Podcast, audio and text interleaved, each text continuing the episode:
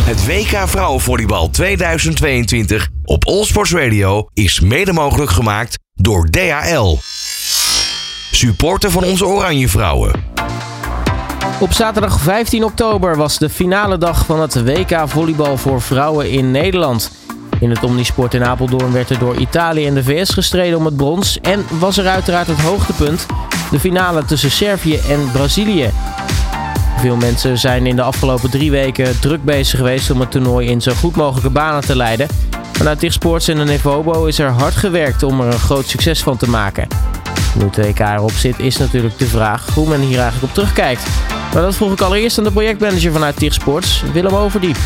We spraken elkaar in de Gelderdoom. Uh, we zijn negen dagen in Rotterdam en Ahoy geweest. En uh, we zijn nu uh, de laatste dag in Apeldoorn, Omnisport. En eigenlijk is het, begint het inderdaad, we hadden toen ook over, het begint nu te landen. en dat we met een waanzinnig groot team een enorm evenement hebben neergezet.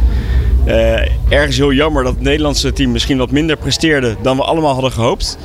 Uh, maar we zetten nog steeds een uh, evenement neer met internationaal karakter. de Internationale Federatie loopt hier rond, IOC loopt hier rond en die zijn allemaal zeer onder de indruk. En dan begint het toch een beetje te landen dat we niet zomaar iets kleins neerzetten hier en dat is leuk. Ja, want ik kan me voorstellen, zeker richting de finale, het wordt allemaal groter, de belangen worden groter. Merk jij dat nu ook vanuit de organisatie? Ja, dat klopt. Kijk, um, achter de schermen blijft het een volleybal-evenement. Uh, je hebt zelf een aantal scheidsrechters nodig, hetzelfde veld, hetzelfde nou ja, uh, spektakel uh, om, om alles voor elkaar te krijgen. Maar je merkt wel dat vanuit de internationale federatie en de mediabelangen dat, dat groter worden. Dat betekent dat er meer mensen komen die allemaal kritische vragen kunnen stellen, die ook meer eisen stellen. En, en, die moet je met elkaar managen. Daar gaat het om. Ja, wat is nou de grootste uitdaging geweest voor het toernooi hier eigenlijk in het Omnisport? Ja, Omnisport is niet gemaakt voor een zaalsport, althans niet in de wieleratletiek Ik zeg het al, wieleratletiek-hal. Uh, niks in het gebouw is recht, zou je kunnen zeggen. Want ja, wielrennen doe je in een cirkel en atletiek zijn verschillende onderdelen. En wij gaan dus in dat gebouw proberen een ja, bijna rechthoekig veld neer te leggen. Uh, met een tribune speciaal voor volleybal en de sfeer die erbij hoort.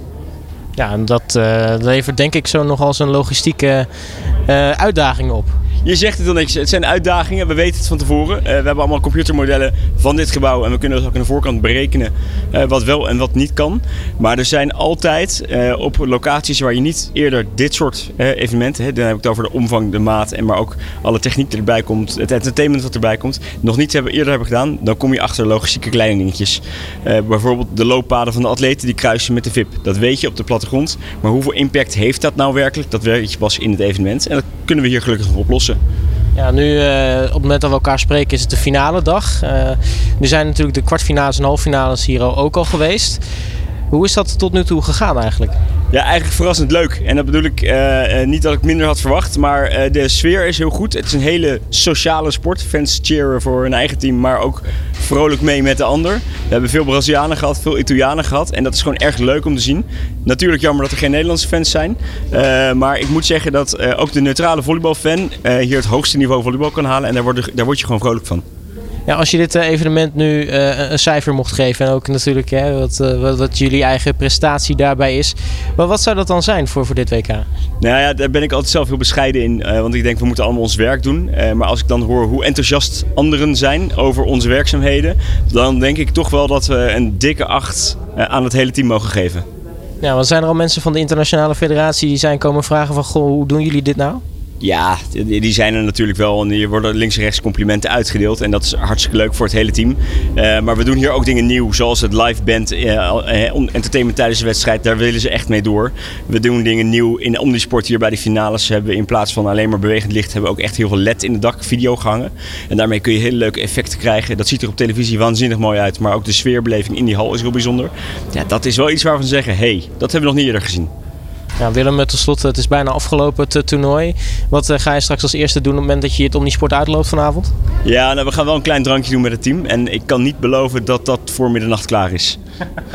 ik ga in ieder geval heel erg veel uh, plezier bij wensen. En natuurlijk uh, nogmaals chapeau voor hetgeen wat jullie hebben neergezet. Dankjewel, tot snel. Nu is naast Stichtsports ook de Nederlandse volleybalbond, de Nevobo, heel erg druk bezig geweest de afgelopen weken om er een zo groot mogelijk succes van te maken.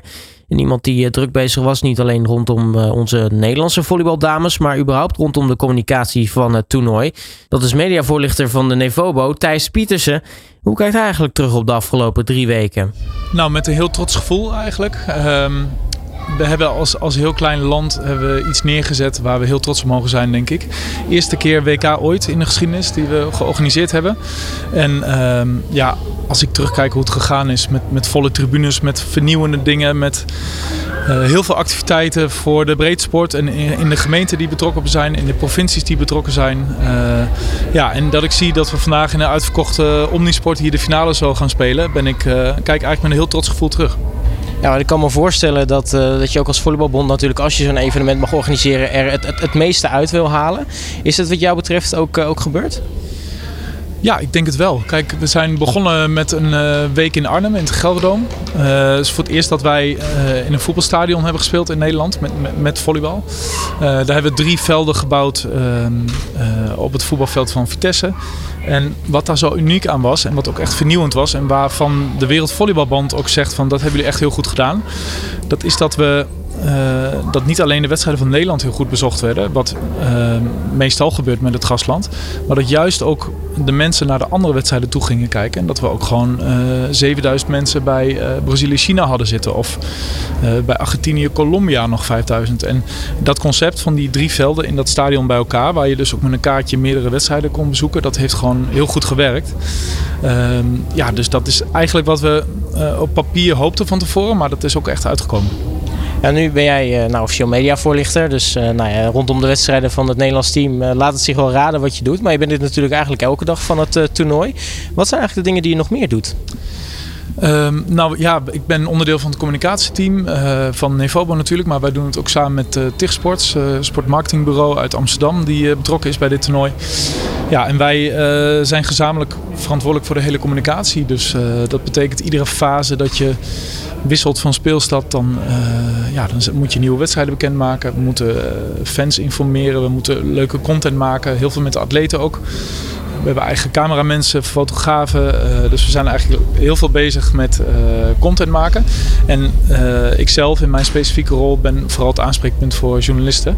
En ja, met name moet ik zeggen, uh, toen Nederland nog actief was, dan, dan word ik het meest gebeld eigenlijk de hele dag door. Met allerlei vragen en uh, interviewverzoeken en ja, gewoon achtergrondvragen, laat ik het zo zeggen. Uh, maar ook deze week hier in Apeldoorn, waar Nederland niet meer speelt, ja, daar begeleiden wij ook de buitenlandse pers. want wij zijn ook verantwoordelijk voor de, de pressroom, de mixzone. Um, uh, alles wat op en rond het veld gebeurt met media, dus voor live tv, uh, begeleiden van fotografen. En ja, er komt best wel veel bij kijken. Nu zit het er bijna op. Wat gaat er nu eigenlijk na het toernooi gebeuren? Want ik neem aan dat uh, natuurlijk komt er ook nog iets belangrijks. Evalueren, nou ja, wellicht iets voor in de toekomst weer die dingen die eraan komen organiseren. Ja, kijk, wij, wij zijn als bond altijd bezig om uh, door middel van events onze sport te laten zien. En daar geloven wij echt in. Uh, ook met vernieuwende concepten. Maar dat, uh, ja, dat geldt voor beachvolleybal, wat ook onder ons valt. Volleybal, zitvolleybal WK hebben wij ook gedaan vier jaar geleden. dus ja, we zijn alweer met nieuwe plannen bezig. Um, we gaan dit toernooi evalueren, zowel organisatorisch, maar ook sportief. Hè? Maar dat is voor mijn topsportcollega's. Um, ja, en dan uh, gaan we weer nieuwe plannen maken. Maar we hebben ook regulier werk natuurlijk met uh, de Nederlandse Eredivisie en uh, de Nederlandse breedte sport en alles wat we daarin doen. Tot slot Thijs, als je nu terugkijkt op de afgelopen drie weken, welk cijfer geef je dit toernooi? Poeh, een 8,5 denk ik. Uh, organisatorisch en qua uitstraling is het wat mij betreft alles wat we ervan gehoopt hadden. Uh, ik had zelf heel graag gezien en velen met mij dat het Nederlands damesteam verder was gekomen. het doel vooraf was de kwartfinale, dus in ieder geval Apeldoorn halen. Dat is niet gelukt helaas. Er zijn ook wel veel redenen voor. Ehm, ja, het is een team in opbouw. Ehm, we zitten in een andere fase dan op het vorige WK vier jaar geleden. Alleen we hadden allemaal wel gehoopt dat, ja, dat we hier ook uh, met een volle bak oranje hadden gezeten in Apeldoorn. Dat is niet gelukt. dus, dus dat is wat mij betreft het punt wat misschien nog beter had gekund. maar organisatorisch en qua uitstraling en qua sfeer en qua belevenis is, het, is het alles wat wij ervan gehoopt hadden en meer. Thijs, mag ik je hartelijk danken voor je tijd en uh, natuurlijk uh, succes nog met de laatste loodjes. Dankjewel, dankjewel. En wat voor een uh, fantastische finale dag werd het uiteindelijk in het Omnisport in Apeldoorn. Nou, in de strijd om plek 3 wist Italië met 3-0 in sets van de Verenigde Staten te winnen. En later op de avond was daar het absolute hoogtepunt. De WK-finale tussen regerend wereldkampioen Servië en Brazilië, die tot nu toe wel drie keer tweede is geworden op het kampioenschap, maar nog nooit de wereldtitel heeft gepakt.